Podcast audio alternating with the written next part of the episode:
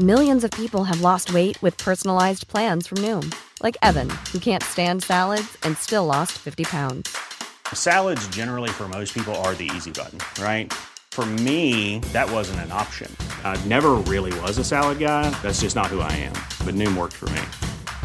Get your personalized plan today at Noom.com. Real Noom user compensated to provide their story. In four weeks, the typical Noom user can expect to lose one to two pounds per week. Individual results may vary. För några veckor sedan så såg jag en viral tweet som löd ungefär så här. Remember when 3D printing was going to change the world. Kommer ni ihåg det eller? Eh, Ja, absolut. Det var ju en, eh, en härlig tid. Ja, alltså just när 3D-printer skulle förändra allting, ja, alla gånger. Det skulle ju bli allt från eh, båtar till läkemedel eller vad mer, allt typ. Allt, eller hur? Det känns som en evighet sen. Det känns som en så här länge förlorad dröm från året 2015 när liksom pandemier var något man såg på film, ett och ett halvt graders målet, det behövde inte bry oss om för det var så långt bort, det var högkonjunktur, det fanns inga krig i Europa, det var säkert fint väder också, så här lagom varmt tänker jag. Drömbild du målar upp. Ja. Ja, 2015 var nog det finaste året. Och om man hade tråkigt, då kunde man bara surfa ut på World Wide Web och stötta en mini-3D-skrivare på Kickstarter. Man, så här, man lägger en tusenlapp och om ett halvår så kommer du säkert ha en makalös liten leksak som du kan använda för att skriva ut en liten staty av vår favoritskådespelare Kevin Spacey från House of Cards. Eller? Alla skulle bli makers. Allting skulle bli bra. Hi, we're the team behind Tico. As inventors, we constantly use 3D printers to create and test our ideas. But every 3D printer we used fell short of our expectations. They were heavy, overcomplicated, and unreliable. We often spent more time calibrating our printers than printing our inventions. So we came up with a simple solution Unibody. This is Tico, the Unibody 3D printer. Ni känner, det här var 2015, Exakt. Alltså så där ska en eh, Kickstarter-video låta. eller hur? Hur tror ni det gick för de glada gänget bakom Tico 3D som samlade in 2,7 miljoner dollar? Och jag tänker idag, vad kan de jobba med? Eh, Sysslar de kanske med kryptovaluta eller någonting? Jag gissar att de inte är inne i 3D-printing längre. jag, tror, jag tror det är på rätt spår. Eh, det blev i alla fall aldrig någon 3D-skrivare, precis som alla andra 3D-skrivare som kickstartades så levererades den aldrig. Det var ju en Unibody och allt. Ja. Men det känns passande kanske, för just 2015 då var 3D-utskrifterna på väg rakt ner i det disillusionerade hålet. Känner ni till det? Nej. Nej. Fortsättning följer.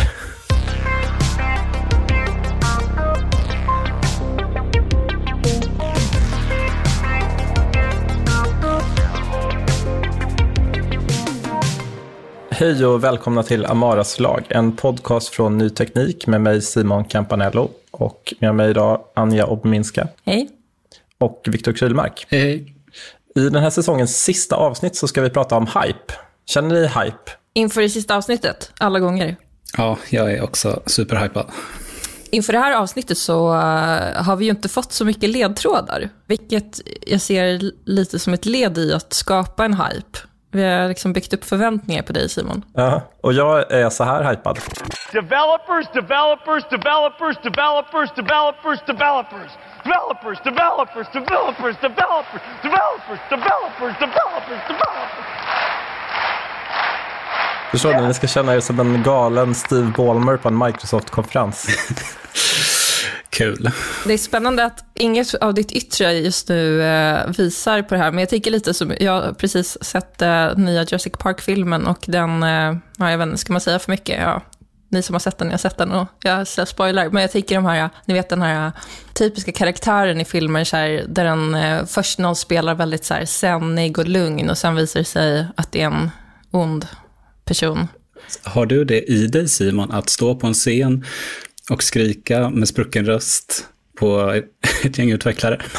Det är inte min styrka tyvärr. Jag, jag önskar alltid att jag var Steve Ballmer, men jag är aldrig Steve Ballmer.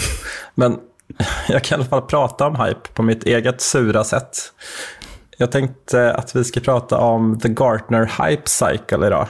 Har ni hört det begreppet någon gång? Ja, jag tror till och med jag kan ha skrivit lite om det när jag skrivit om grafen och kolnanorör har jag ett vagt minne av. Det låter extremt rimligt. Jag tror nästan det är omöjligt att jobba som teknikjournalist utan att har skrivit om The Gartner Hype Cycle och framförallt utan att ha fått 800 000 pressmeddelanden om The Gartner Hype Cycle.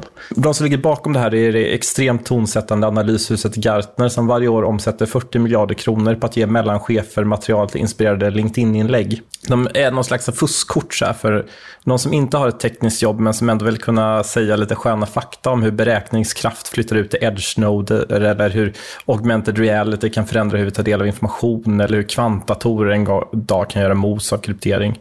Och den här hype-cykeln som Gartner har, den passar väl ganska bra för vår podd, tänker jag.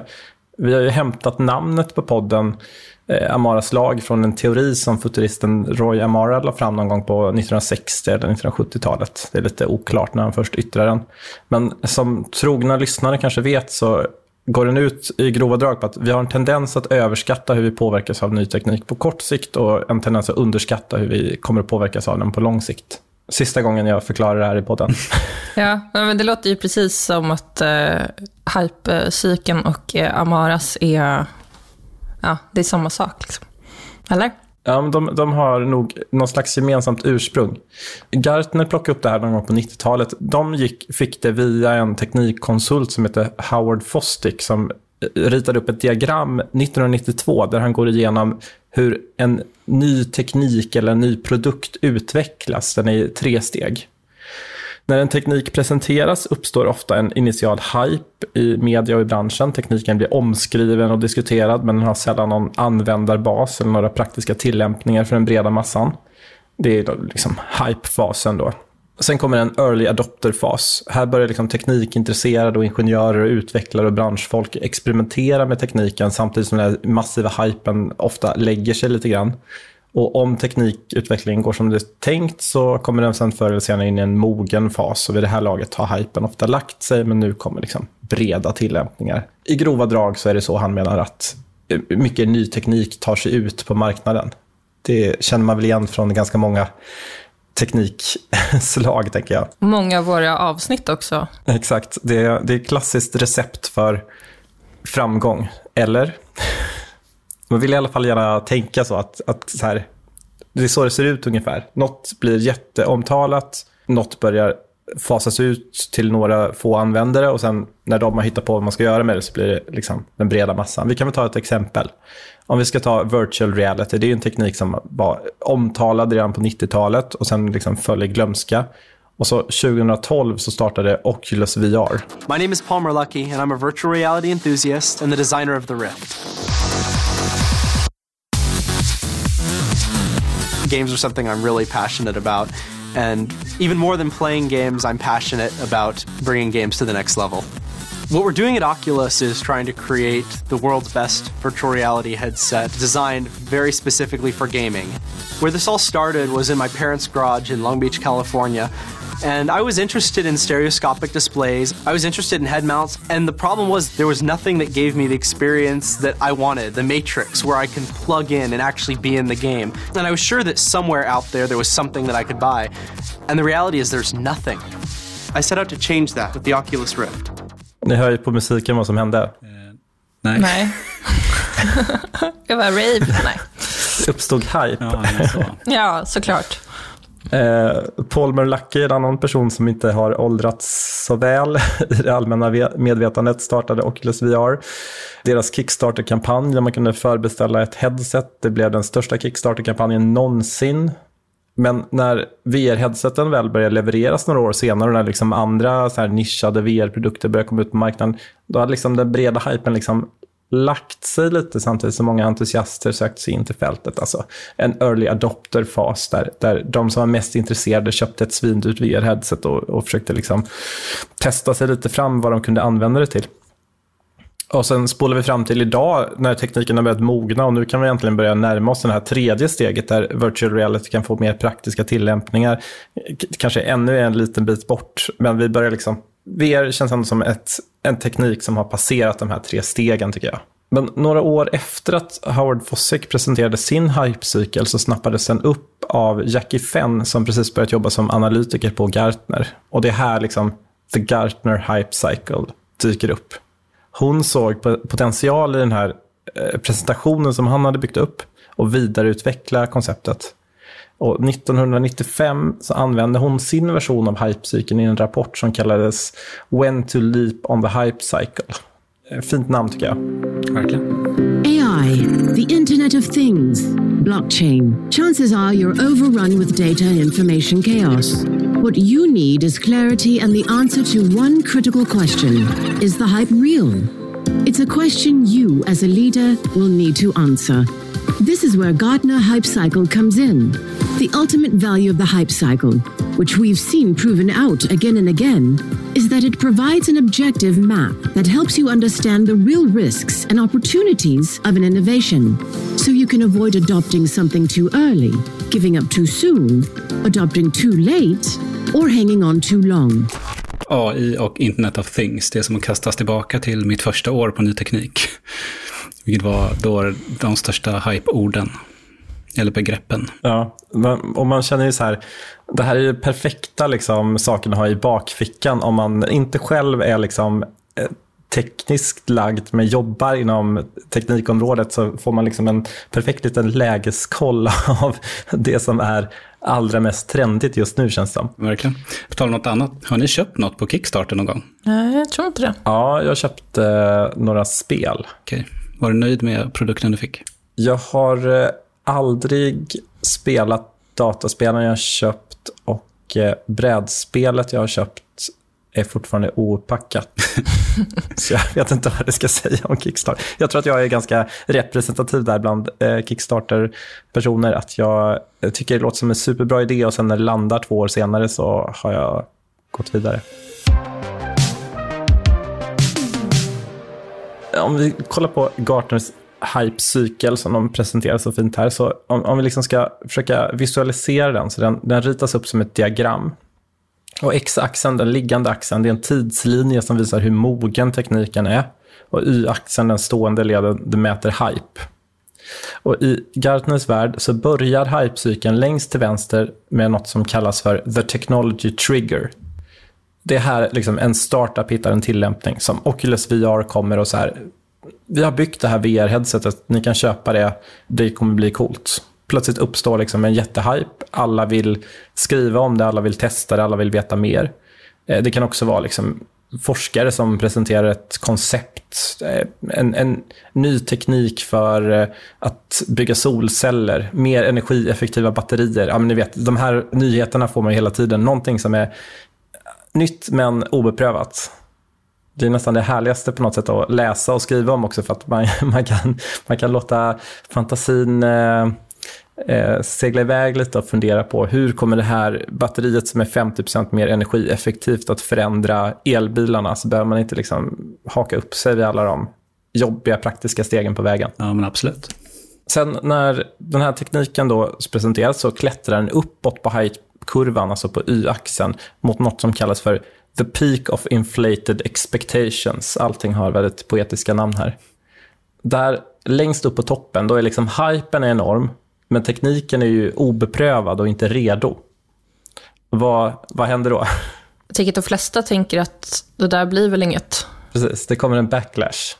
The throw of disillusionment.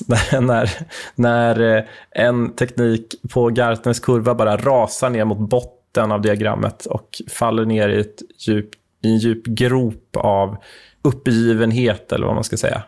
Det, det är här NFTs befinner sig just nu då, kanske till exempel. Om man ska ta ett exempel som känns aktuellt. Rätt ner i Mordor. Ja. Vi får se om de någonsin reser sig därifrån, men, men där någonstans finns de idag. Besvikelsen över att det här som hypades inte blev något matnyttigt renderar i att det död förklaras. Men trots att något liksom kommit bort från hypen så fortsätter det vidareutvecklas.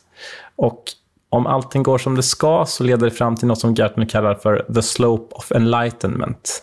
Det kanske kan jämställas med den här early adopter-fasen då, liksom, när, när man börjar hitta lite kul sätt att använda tekniken. Man börjar se potential, man börjar kanske bygga prototyper, ta fram koncept, göra tidiga produkter. Det är på väg att bli någonting. Och om allt vill sig väl så når det till sist the plateau of productivity. Eh, det känns, känns som eh, titeln på ett LinkedIn-inlägg, tänker jag. så verkligen. Det är liksom här tekniken blir något för den breda massan. Det här så här, man kan tänka sig att IBM köper in det här. Någon mellanchef på eh, ett stort bolag kan med gott samvete föreslå att vi ska använda NFTs för de ligger på the plateau of productivity. Det här är inget farligt längre.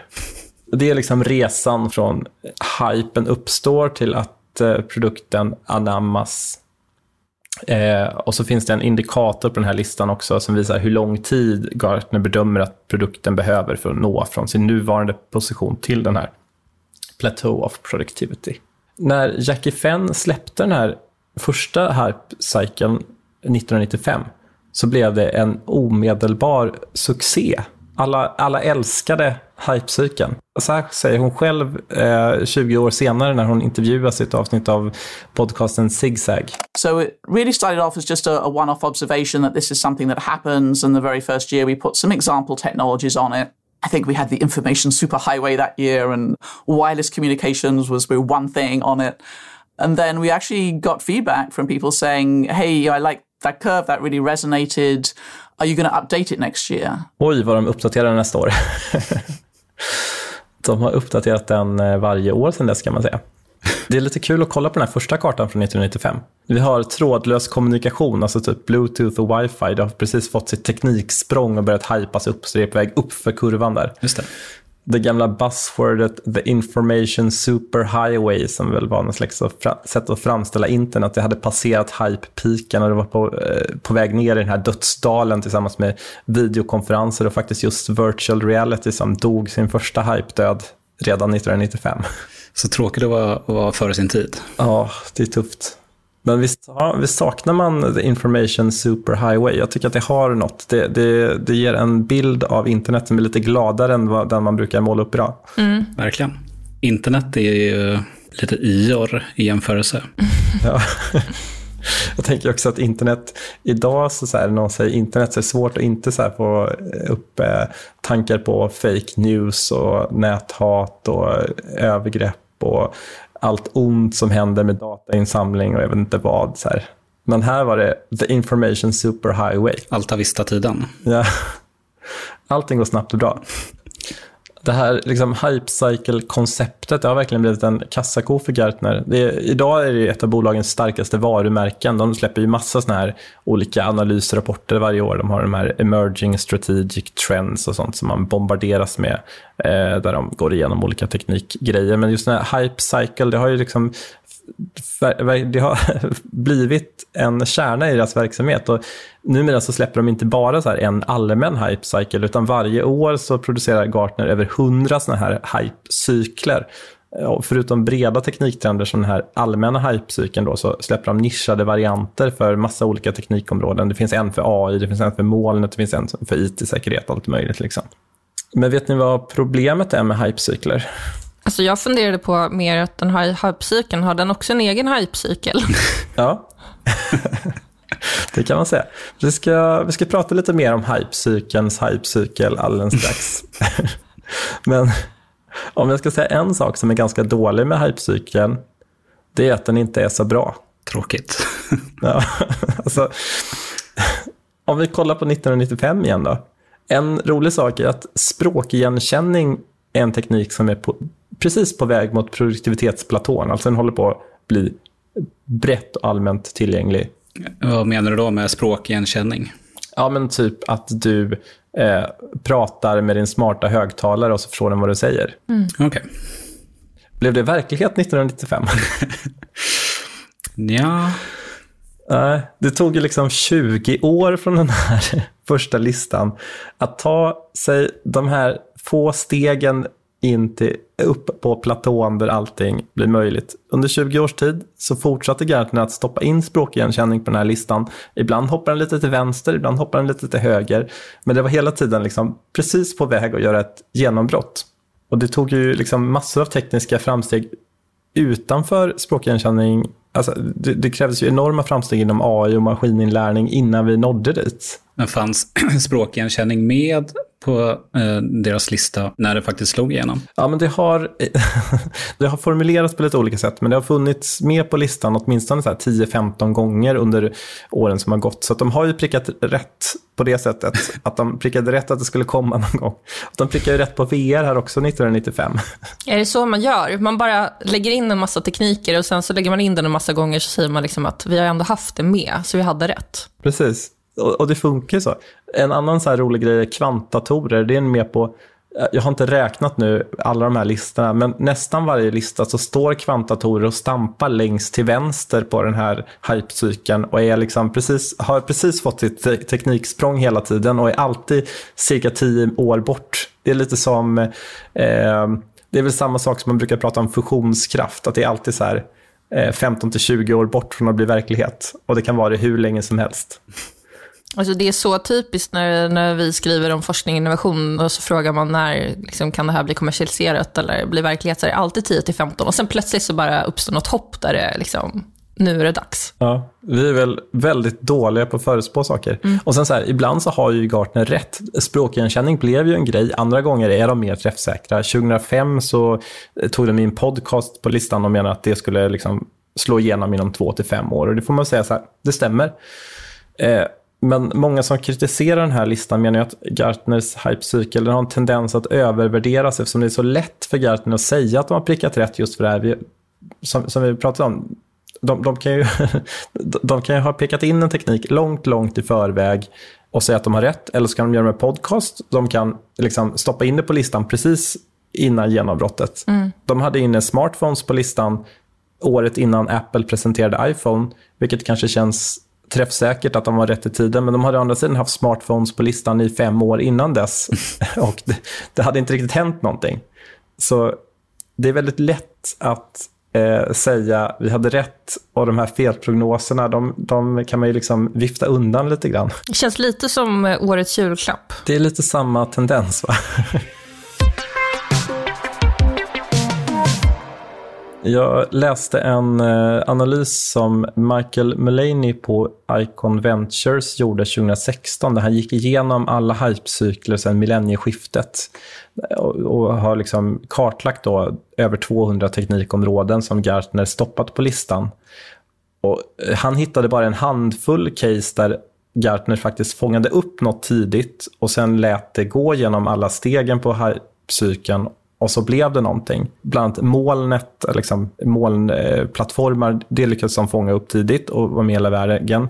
3D-utskrifter som vi pratade om i början, det fångade de upp på ett tidigt stadie. De såg när hypen ökade, de såg när hypen släppte och de har liksom, eh, följt upp det då när 3D-utskrifter idag inte längre är särskilt hypat men har blivit liksom allmänt, eh, det används flitigt även om det kanske inte var riktigt på det sättet framställdes på Kickstarter 2015. Många andra trender som eh, Gartner pekar ut, de dyker bara upp på hypecykeln en enda gång och sen försvinner sen. Vi har begrepp som social tv, det hör vi inte så ofta, sanningsverifikationer. Andra liksom dyker upp på listan och så dör de bara. RSS-flöden för företag. har, ni, har ni jobbat på ett företag som använder RSS för att sortera information? Jag tror att eh, det dog väl med Google Reader ungefär va? Förmodligen.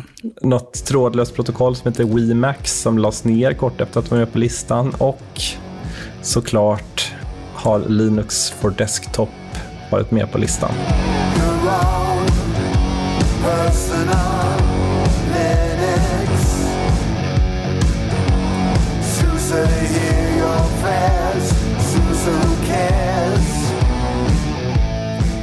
som vet om Simon är från Göteborg eller? Jag tycker den här briljanta Linux-stängan av open source-bolaget SUSE förtjänar någon slags cred. Eh, tyvärr kommer Linux på desktop aldrig att hända, kan jag bara meddela. Varför inte? Jag tror vi behöver ett separat avsnitt för att gå igenom problemet med Linux for desktop. Du kan få hålla i det nästa säsong.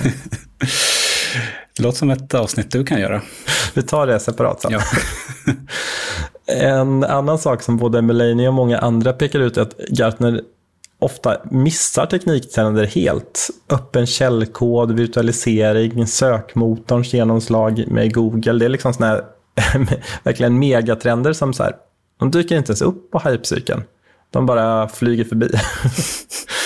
Jag är inte helt säker på att det känns eh, pålitligt då. Alltså jag undrar lite hur egentligen de jobbar bakom kulisserna för att, för att ta fram den. Eh, lite kaxigt kanske tänker jag nu, men det känns som att vi skulle ju kunna göra en egen sån rapport bara utifrån liksom vad vi vet vad som är på gång. Det finns ju jättemycket så här analytiker och sånt som eh, avslöjar vad som är på gång på bolag och sådär, så man vet ju när det kommer stora släpp. Så jag, jag blir lite nyfiken på hur de egentligen tar fram den här. Ja, under sommaren tänkte jag produktutveckla min egen hypecykel som jag ska sälja för dyra pengar. Aha. Ska baseras helt på min magkänsla. Spännande. Ja.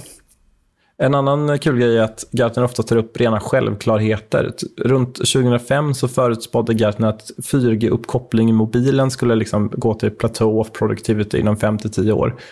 Och allt annat hade ju varit väldigt märkligt eftersom mobilnäten har genomgått ett generationsskifte ungefär vart tionde år sedan det uppkom. Och det var ju precis i rätt period. Så om, om 4G-uppkoppling inte hade blivit verklighet, det hade ju varit en spaning. Så här. Men, men om ens enorma analyshus, om allt det gör är att kolla i kalendern och pricka in det här datumet släpps teknik X, vet jag inte riktigt vad de får betalt för. Nej, men det är det jag menar. Vi skulle väl också kunna göra något sånt här. Skulle vara minst lika bra. Ja, vad har du för tre tekniktrender på hypecykeln som du vill ta upp? jag skulle inte sagt något. eh, vad ska vi dra till med? Ja, men du vet, grafen. Långt till vänster. ja, men vi har ju odlat kött, som vi pratade om i förra avsnittet. Ja, också långt, eh, det är på hype-stadiet va? Eh, är det det? Jag tycker nog ändå det kändes som att det var väldigt mycket för några år sedan. Och sen också om man tänker där Mosamit, om det var för nio år sedan, va? när den presenterade sin. Alltså det kanske inte riktigt var hypen. Men jag vet inte, jag undrar om det kanske ändå är lite förbi och att det för saker börjar hända. Det är ändå hundratals bolag som håller på med det. Ska vi säga att det är på the slope of enlightenment? Ja, varför inte? Viktor, vad vill du sätta på hypecykeln? Ja, säg det. Säg det Simon. Nej, men eh, eh, CRISPR. Snyggt. Tack. Då är vi klara. Eh, Vi får fakturera lyssnarna för detta.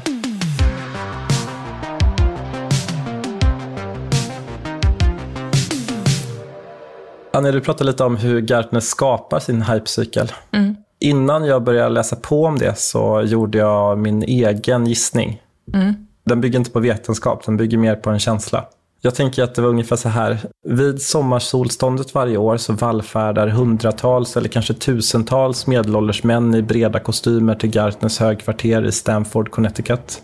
De vandrar liksom i långa rader, lite som stormtroopers från Star Wars och går in i det här jättelika komplexets innersta salar långt under marken. Och där dricker de ayahuasca, eh, mässar massa mantran, sittande i cirklar i golvet och så ber de till Steve Jobs ande om upplysning. Och i mitten av salen så sitter liksom Gartners analyschefer i så här höga troner och har varsin hand på en spåkula och så kanaliserar de hela analyskårens samlade uppenbarelse rakt ner i ett glödande Excel-ark. Mm. Det låter helt rimligt. Jag tror att det är ungefär så. Och sen får liksom pressavdelningen ta över och kanske formatera det lite snyggt. Och så kan de bara skicka ut och göra content av allting. Men det här är ju vad som egentligen händer och vad är den officiella förklaringen då?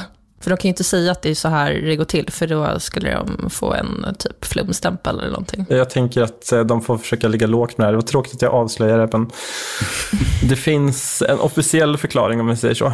Mm. Förra sommaren så släppte The Register en briljant hitpiece som har rubriken Where on Gartners Hype Cycle is Gartners Hype Cycle?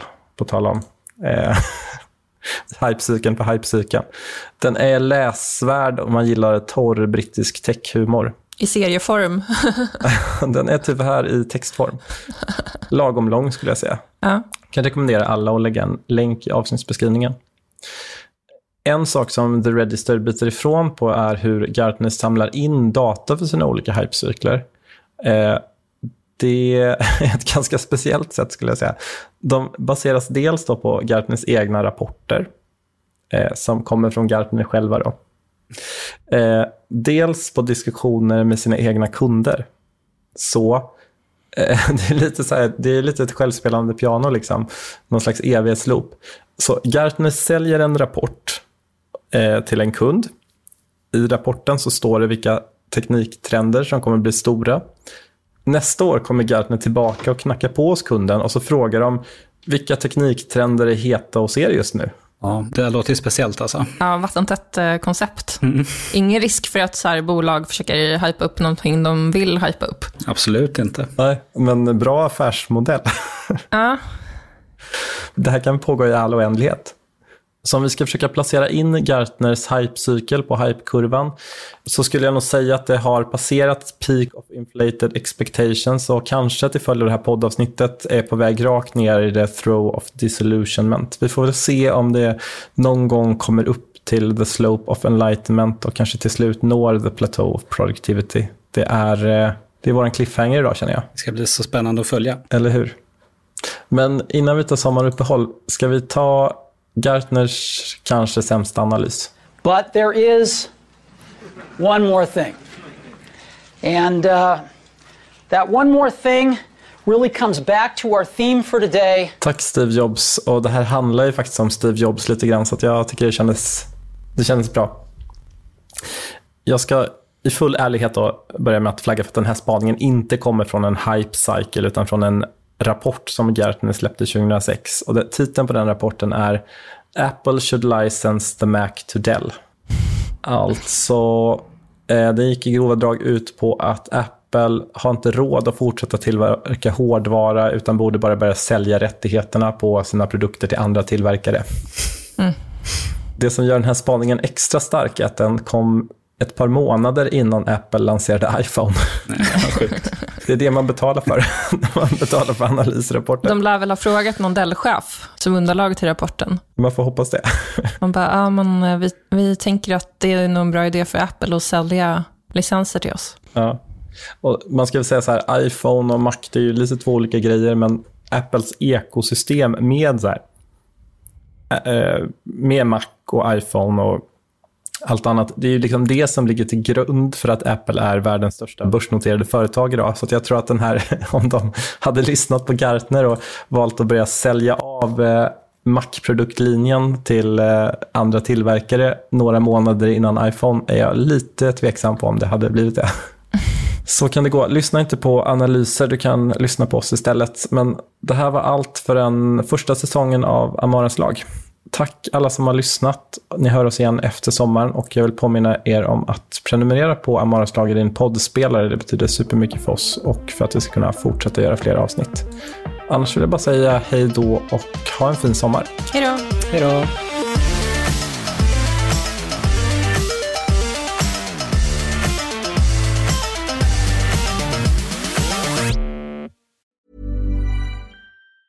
Hey, it's Danny Pellegrino from Everything Iconic.